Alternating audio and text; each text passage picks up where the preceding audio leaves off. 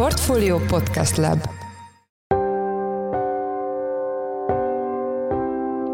Mindenkit üdvözlünk, sziasztok! Ez a Checklist a Portfólió napi podcastje március 1-én szerdán. A adás első részében arról lesz szó, hogy miért zavarta meg az elemzőket Virág Barnabásnak, az MNB alelnökének a keddi kamat döntést követő értékelője, mikor csökkenhet az irányadó kamat, és mi lesz ennek a következménye. Miközben a sajtótájékoztató, a háttérbeszélgetés az kifejezetten szigorú hangvételt ütött meg, és a kockázatokra érzékeny kommunikáció volt, a közben a jegybank közleménye, amit ugye ugyanekben az időszakban időszakban kiad, kvázi indoklásként, hogy miért úgy döntött, ahogy döntött, és mi várható a jövőben, az meg viszont azt hangsúlyozta, hogy elkezdődött az a rendszerű javulás, amire várnak a kamatcsökkentés megkezdéséhez. Vendégünk Madár István, a portfólió vezető makrogazdasági elemzője. A második rész témája, hogy Törökország belpolitikai botrányoktól egészen elképesztő mutyiktól hangos három héttel a földrengés után. Hamarosan választások lesznek, és a kérdés, hogy ki kezdje Erdogán hatalmát, ez a kialakult helyzet. Erről Kerekes Miklóssal,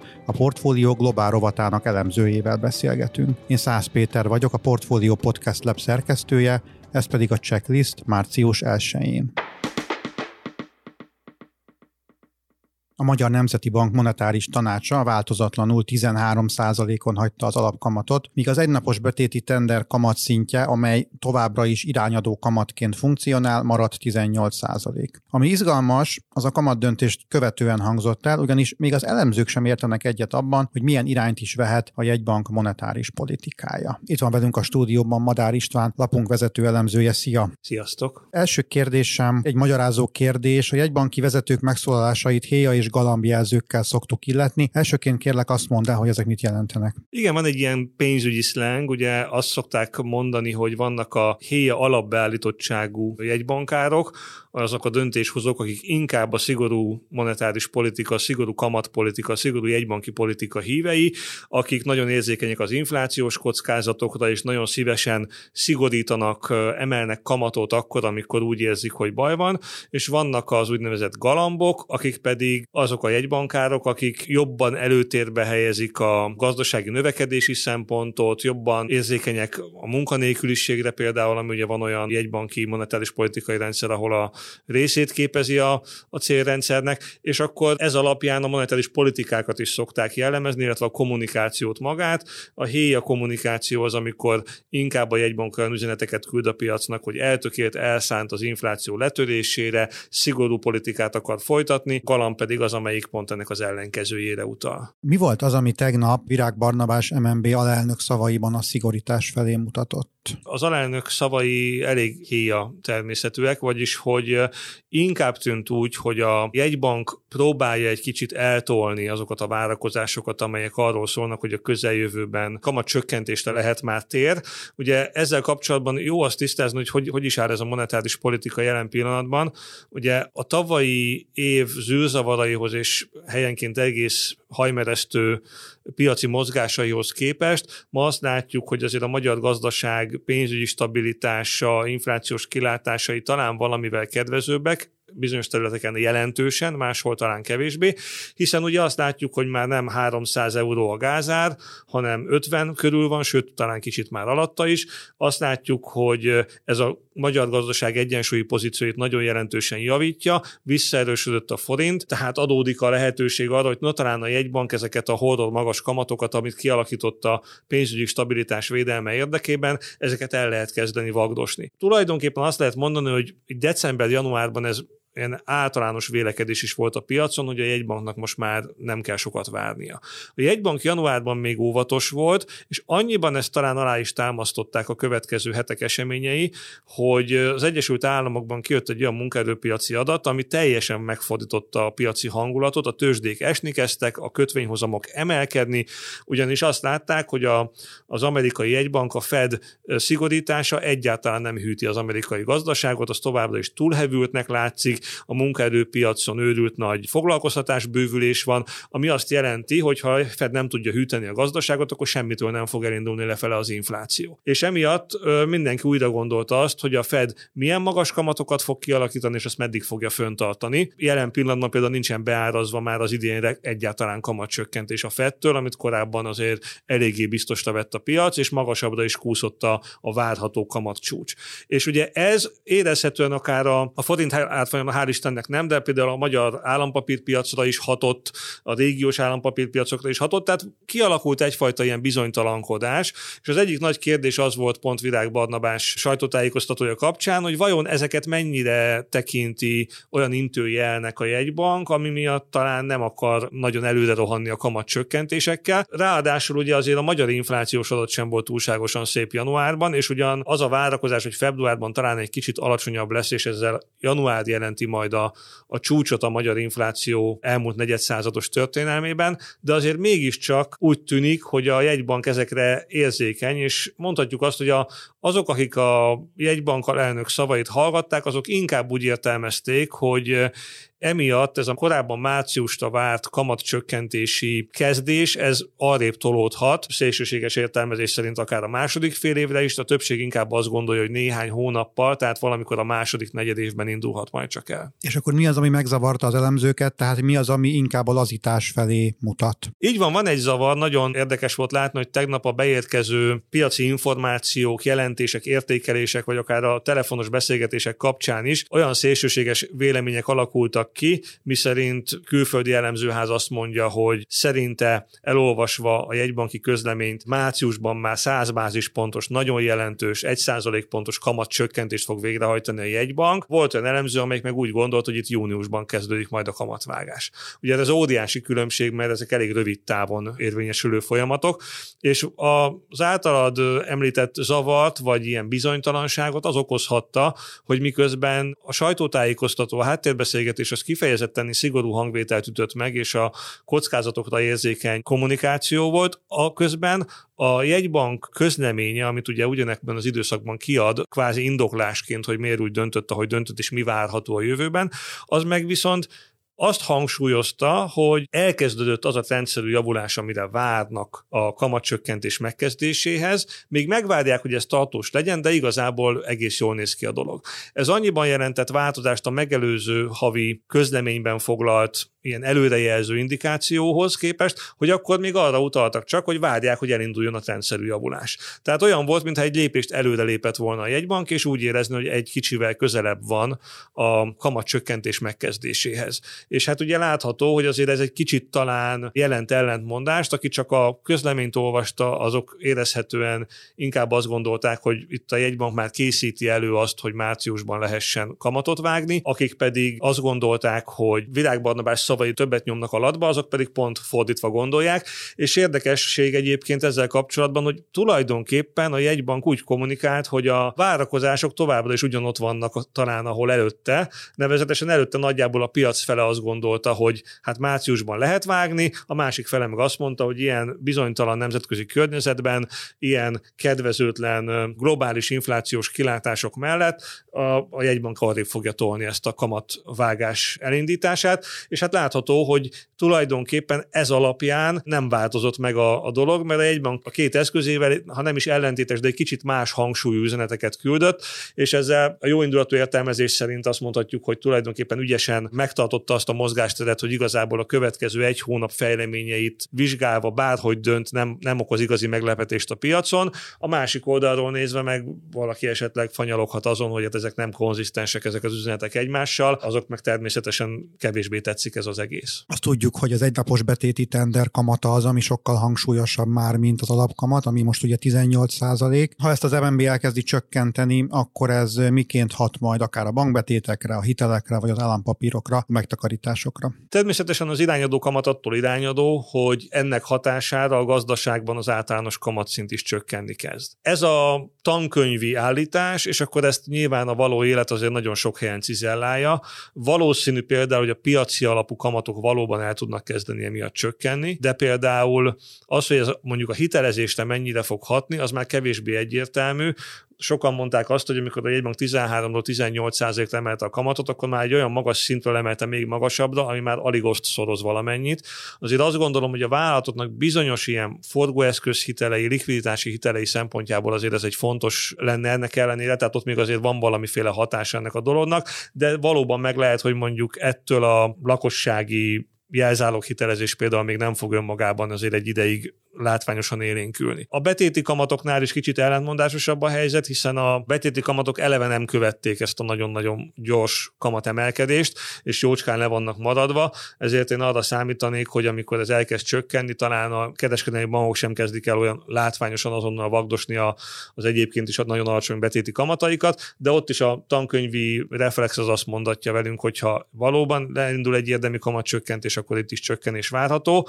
Ugye legjobban talán ilyen szempontból az állam örülhet ennek, hiszen a kötvénypiacok azért elég jól követik az irányadó kamatot, vagy az a kapcsolatos várakozásokat, és hogyha a nemzetközi környezet is ezt támogató, akkor talán ezek a most nagyon magas szintre szökő államadósság kamatok, ezek lejjebb mehetnek, és az állam elkezdheti magát olcsóbban finanszírozni. Ugye most azért ez egy nagyon látványos, ami az elmúlt egy-két évben történik, hogy a korábban már egész alacsony szintre csökkenő államadóság kamat teher, az most nagyon fölrobbant, és ugye ahogy ezek a kötvényaukciók hétről hétre érkeznek be, és újra 10% körüli kamaton kénytelen eladósodni az állam, az nyilván 30 évre, meg 10 évre, meg 20 évre, attól függően, hogy milyen hosszú kötvényekről van szó, 3-15 év a jellemző. Ezekre az időszakokra bizony beég ez a magas kamatszint, és az államnak ketyeg ez a szép magas kamatszámla. Úgyhogy az állam biztos örülne ennek. A másik oldal, amiért örülne nyilván az, hogy abban bízik, hogy azért az alacsonyabb kamatok egy kis növekedési, élénkítési lendületet tudnak hozni a gazdaságban, de természetesen az egésznek az alapja az, hogy az inflációnak kellene csökkennie. Ez az, ami igazából sokat tudna segíteni, hiszen az infláció infláció csökken, akkor a bérek, kereseteknek a reál értéke is jobban alakulhat, megállhat az a csökkenés, amit most már láthatunk azért egy éve, és hogyha ez megáll, akkor az természetesen hatást tud gyakorolni arra is, hogy a fogyasztás, a, a belső kereslet, a háztartások költései hogyan tudják dinamizálni a gazdaságot. Igen, pont ez lett az utolsó kérdésem, hogy mondotta valamit Virág Barnabás azzal kapcsolatban, hogy mikor tetőzhet a, az infláció, különösen az élelmiszerinflációról volt ez szó. Ja, a jegybank a január adatokat vizsgálva nagyjából azt állapította meg, amit egyébként a piaci szakértők is, egyrészt, hogy meglepően magas lett. Ami az egyetlen jó hír volt benne, az az, hogy maga az élelmiszer infláció az már nem gyorsult. És vannak arra utaló jelek, hogy valóban az élelmiszereknek ez az ődült tempójú drágulása, ami az elmúlt időszakot jellemezte,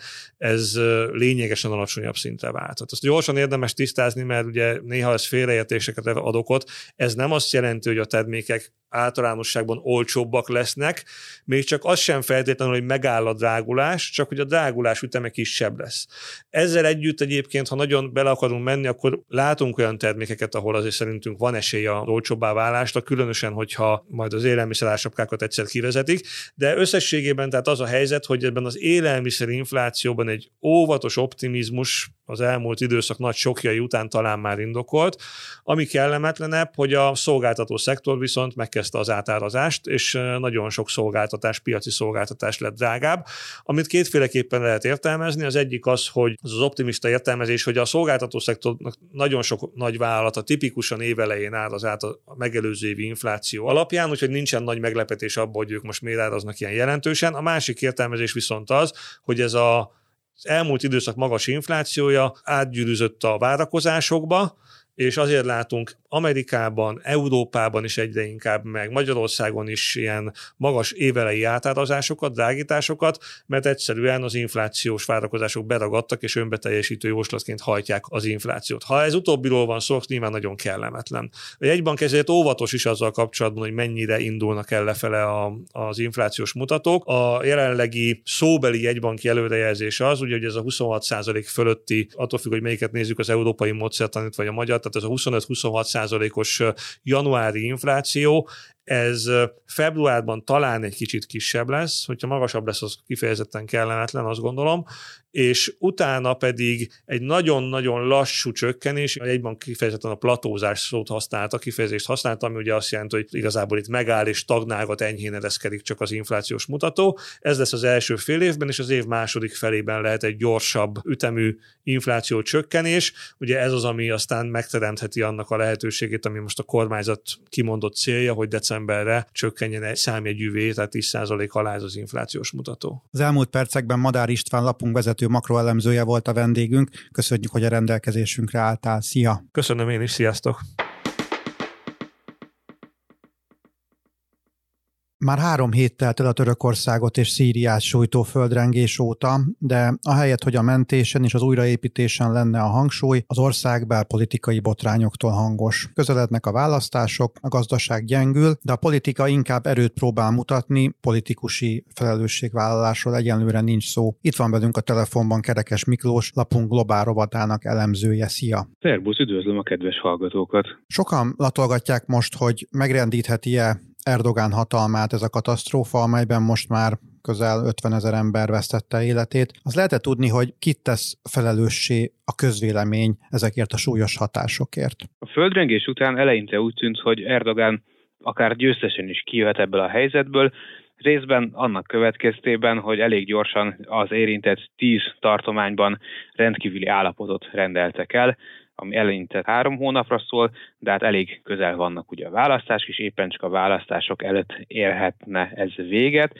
és azt láttuk korábban is, hogy a jelenlegi kormánypárt, az AKP élén Erdogannal preferálja, hogy rendkívüli állapot időbe történjenek a választások. A legutóbbi választások is így történtek, alapvetően a legutóbbi katonai pucs kísérlet miatt. Azonban, ahogy teltek a napok, igazából az első egy-két naptól kezdve, kiderült két dolog. Az egyik az az, hogy a rendszer maga amelynek a büszkesége az építőipar minden szempontból az elmúlt 20 évben. Borzasztóan rossz minőségű épületeket produkált egy olyan országba, ahol lehet tudni, hogy bármikor várható egy földrengés, és miközben papíron nagyon szigorú előírások vannak, ezeket szinte semmilyen szinten nem tartották be. A másik probléma annak kapcsán kezdett kialakulni, hogy a mentési munkálatokat egészen egyszerűen nagyon rossz minőségben bonyolították le az államhoz kötődő hivatalok, legyen szó akár a katasztrófavédelemről,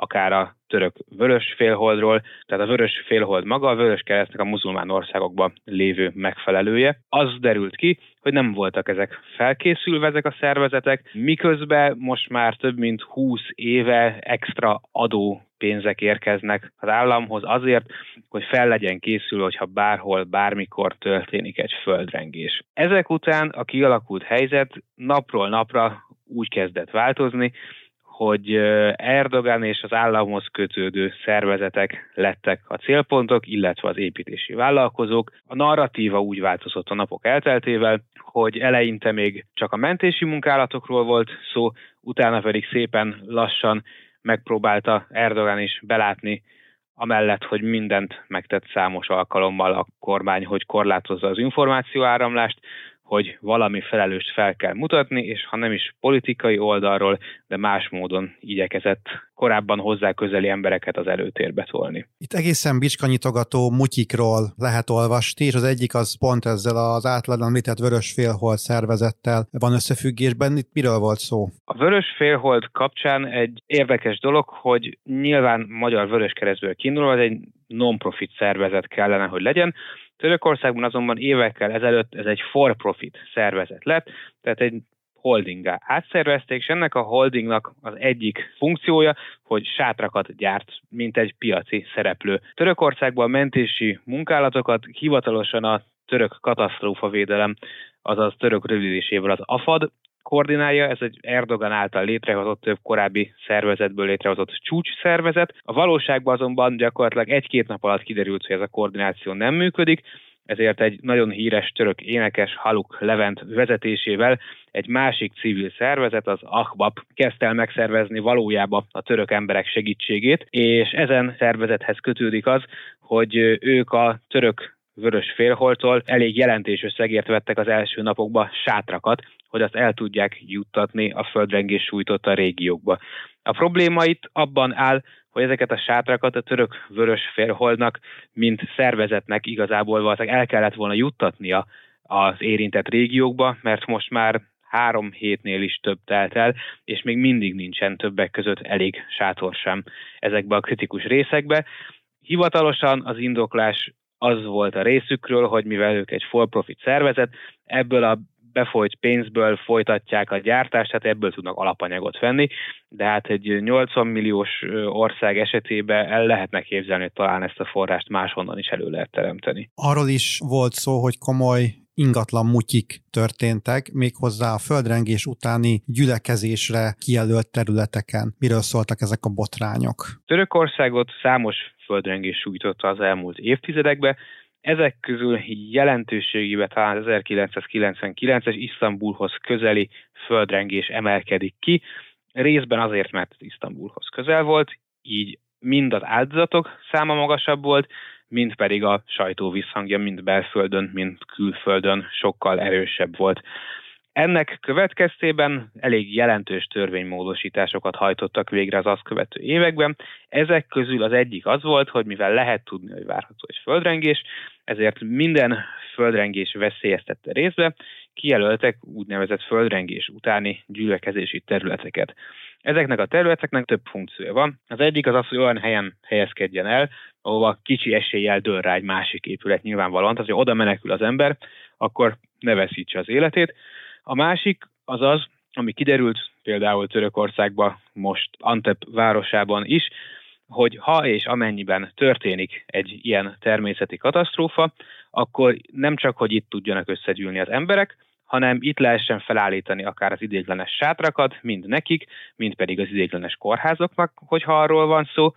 Azonban, ahogy teltek az évek, a nagy földrengés után, egyre inkább szépen az építőipar dominálta török gazdaság, és a helyi török politikai elit. Arra jutott, hogy hát évtizedek óta, ugye hát a városközpontok is sokszor sűrűn lakottak, itt vannak ezek a városközponthoz is nagyon közeli jó területek, hát akkor igazából miért állnak ezek itt parlagon, mi lenne, hogyha beépítenénk ezt valamivel, és lakóparkok, vagy bevásárlóközpontok, vagy hasonló épületek épültek ide, annak ellenére is, hogy sokszor a helyi közösségek különböző módokon bírósági pert próbáltak indítani ezen kísérletek ellen. Mindazonáltal nap végén ezek megépültek, és most látszik, hogy ez egy extra nehézség a földrengés utáni helyzet kezelésében. Igen, ez klasszikus ingatlan mutyinak tűnik, és ahogy lenni szokott, beszállt a sport is, azon belül a foci is ebbe a témába, vagy mondhatjuk azt, hogy a kampányba. Mit lehet erről tudni? Törökországban a labdarúgás az elsődleges sport, óriási népszerűségnek örvend. Akár csak itthon. Igen, csak a népszerűség között van egy apró különbség, míg itthon a, nagyjából a 3000 fő az egy jó nézettségi szám élőbe, addig kint a 30 ezernél is azért vannak jobbak, kicsit jobban megmozgatja a helyi elitet, és jobban bele van fonódva a hétköznapi életbe. Ennek következtében az országot lényegében három nagy futballcsapat dominálja, mindegyik Isztambulban van. A Besiktasról, a Galatasarayról és a Fenerbahcséról van szó. Az ország minden része nekik szurkol lényegében Isztambulon túl is. Ez azért fontos, mert ez egy ilyen becsatornázási útvonal mindenki számára. Ami történt az az, hogy korábban már a jelenlegi kormányzat hosszú évekkel ezelőtt úgy próbálta meg a szurkolói kultúrát korlátozni, hogy Magyarországon is korábban ismert szurkolói kártyát vezetett be. Ennek a kártyának az a sajátja, hogy nyilván névre szól, évre szól, viszont egy darab csapathoz lehet csak felhasználni. Így, ha bármilyen szurkolói rendbontás történik, avagy politikai véleménynyilvánítás, akkor a kamerákról be lehet azonosítani, hogy kiről van szó, és ki lehet tiltani a stadionból. Ez éveken keresztül politikai értelemben jól is működött, bár a mérkőzések nézőszáma a nagy csapatok esetében a derbiket leszámítva érezhetően visszaesett ezen korlátozás következtében, azonban most már olyan szintre állt a helyzet úgy tűnik, hogy eleinte felfüggesztették a török labdarúgó bajnokságot a földrengés következtében, kettő csapat Antepnek és Antakiának a csapata vissza is lépett a bajnokságtól, és most volt az első forduló a hétvégén, amelyben a három nagy csapat közül kettő is otthon játszva, mind a Fenerbahce, mind pedig a Besiktas. Erősen hangot adott a szurkolói által, vagy hát a szurkolói hangot adtak azon véleményének, hogy nem biztos, hogy jól mennek a dolgok, és amellett hogy egyrészt a Fenerbahce mérkőzésen például a csapat mezeinek a hátára a érintett 11 városnak a nevét írta föl a ponzorok helyett, illetve a besiktes mérkőzésén pedig plüssjátékkal dobtak be a földrengés sújtotta régióban élő gyerekek számára. Mindkét csapat szurkolói lemondásra szólították fel a török kormányt, erre pedig évtizedek óta nem volt példa. A következmény nem maradt el abban az értelemben, hogy természetesen semmilyen politikus nem mondott le politikai tisztségéről, azonban a kormány második legerősebb embere, lehet úgy fogalmazni, Devlet Bakcseri, az AKP-val szövetséges szélső jobboldali nacionalista mehepének az elnöke a Besiktás klub tagságáról lemondott ennek következtébe. Illetve még egy következmény volt, hogy a török labdarúgás, amelybe csapatok 80%-a Erdogánhoz és a köréhez kötődik különböző úton, módon jelenleg az első osztályba. A legtöbb csapat elítélte a Fenerbahcsénak és a Besiktásnak ezt a cselekedetét, hogy ők lemondásra szólították fel a kormányt, azonban a érdemes megnézni, hogy a lemondásra felszólító csapatok elnökségébe elég sok a kormánypárthoz kötődő ember van, és talán kiemelkedik közülük Erdogán, ha nem tévedek, unokatestvére, aki a jól csengő Recep Tayyip Erdogán egyetemen dolgozik így függetlenségük talán megkérdőjelezhető ebből a szempontból. Azt lehet tudni, hogy a kormány népszerűségét azért kikezdte ennek a földrengés utáni helyzetnek a kezelése? Kikezdte. Ami választási szempontból kritikus, az két dolog. Az egyik az az, hogy ez a régió, az érintett 10-11 tartomány döntő többségében egy Erdogánt támogató régió, mind szociokulturálisan, mind földrajzilag. Önmagában az a tény, hogy itt történt a földrengés, már hatással van. Ha és amennyiben a kormány ezt jól kezeli, kezelte volna, az pozitív hatással lenne a Erdogán népszerűségére.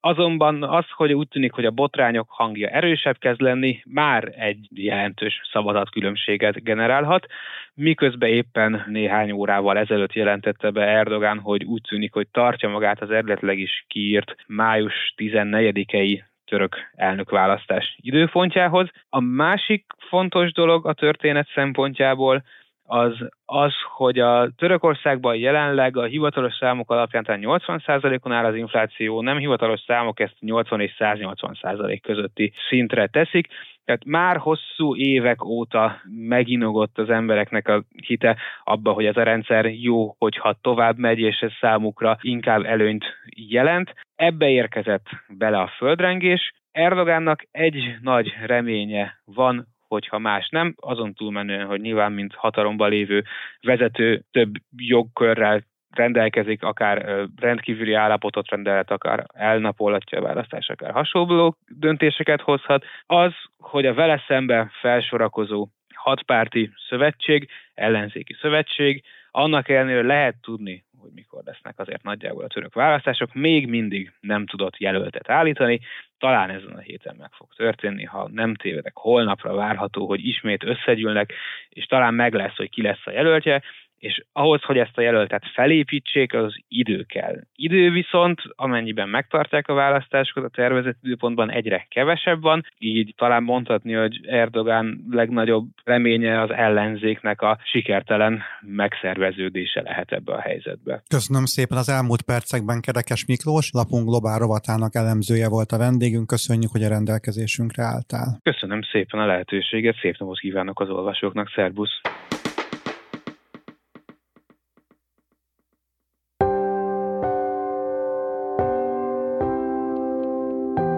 Ez volt már a Checklist, a Portfólió munkanapokon megjelenő podcastje. Ha tetszett a műsor és nem tetted volna meg, iratkozz fel a Portfólió Checklist podcast csatornára valamelyik nagyobb platformon, például Spotify-on, Apple vagy Google Podcast-en. Ha segítenél nekünk abban, hogy minél több hallgatóhoz eljussunk, értékelj minket azon a platformon, ahol ezt az adást meghallgattad. A mai műsor elkészítésében részt vett gombkötő Emma, a szerkesztő pedig én voltam Szász Péter. Új műsorral holnap délután 5 óra magasságában jelentkezünk, addig is minden jót, sziasztok!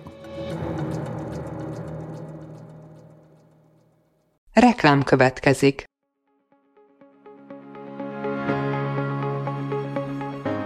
Raúl Müller Lajos vagyok, az Agrárszektor főszerkesztője. Májusban két tematikus konferenciát is rendezünk Kecskeméten az agrofood szektor szereplőinek. A május 22-én tartandó Portfolio Agrofood 2024 konferencia az élelmiszeripari vállalkozások, beszállítóik, a szolgáltató cégek és a kereskedők számára nyújt egyedi betekintést az aktuális trendekbe. A május 23-án megrendezendő Agrofuture konferencia pedig egyedülálló módon tematikus formában foglalja össze a hazai agrárgazdaság fenntarthatósági követelményeit és innovációs lehetőségeit. Jöjjön elő is, részletek és jegyek a portfolio.hu per rendezvények oldalon.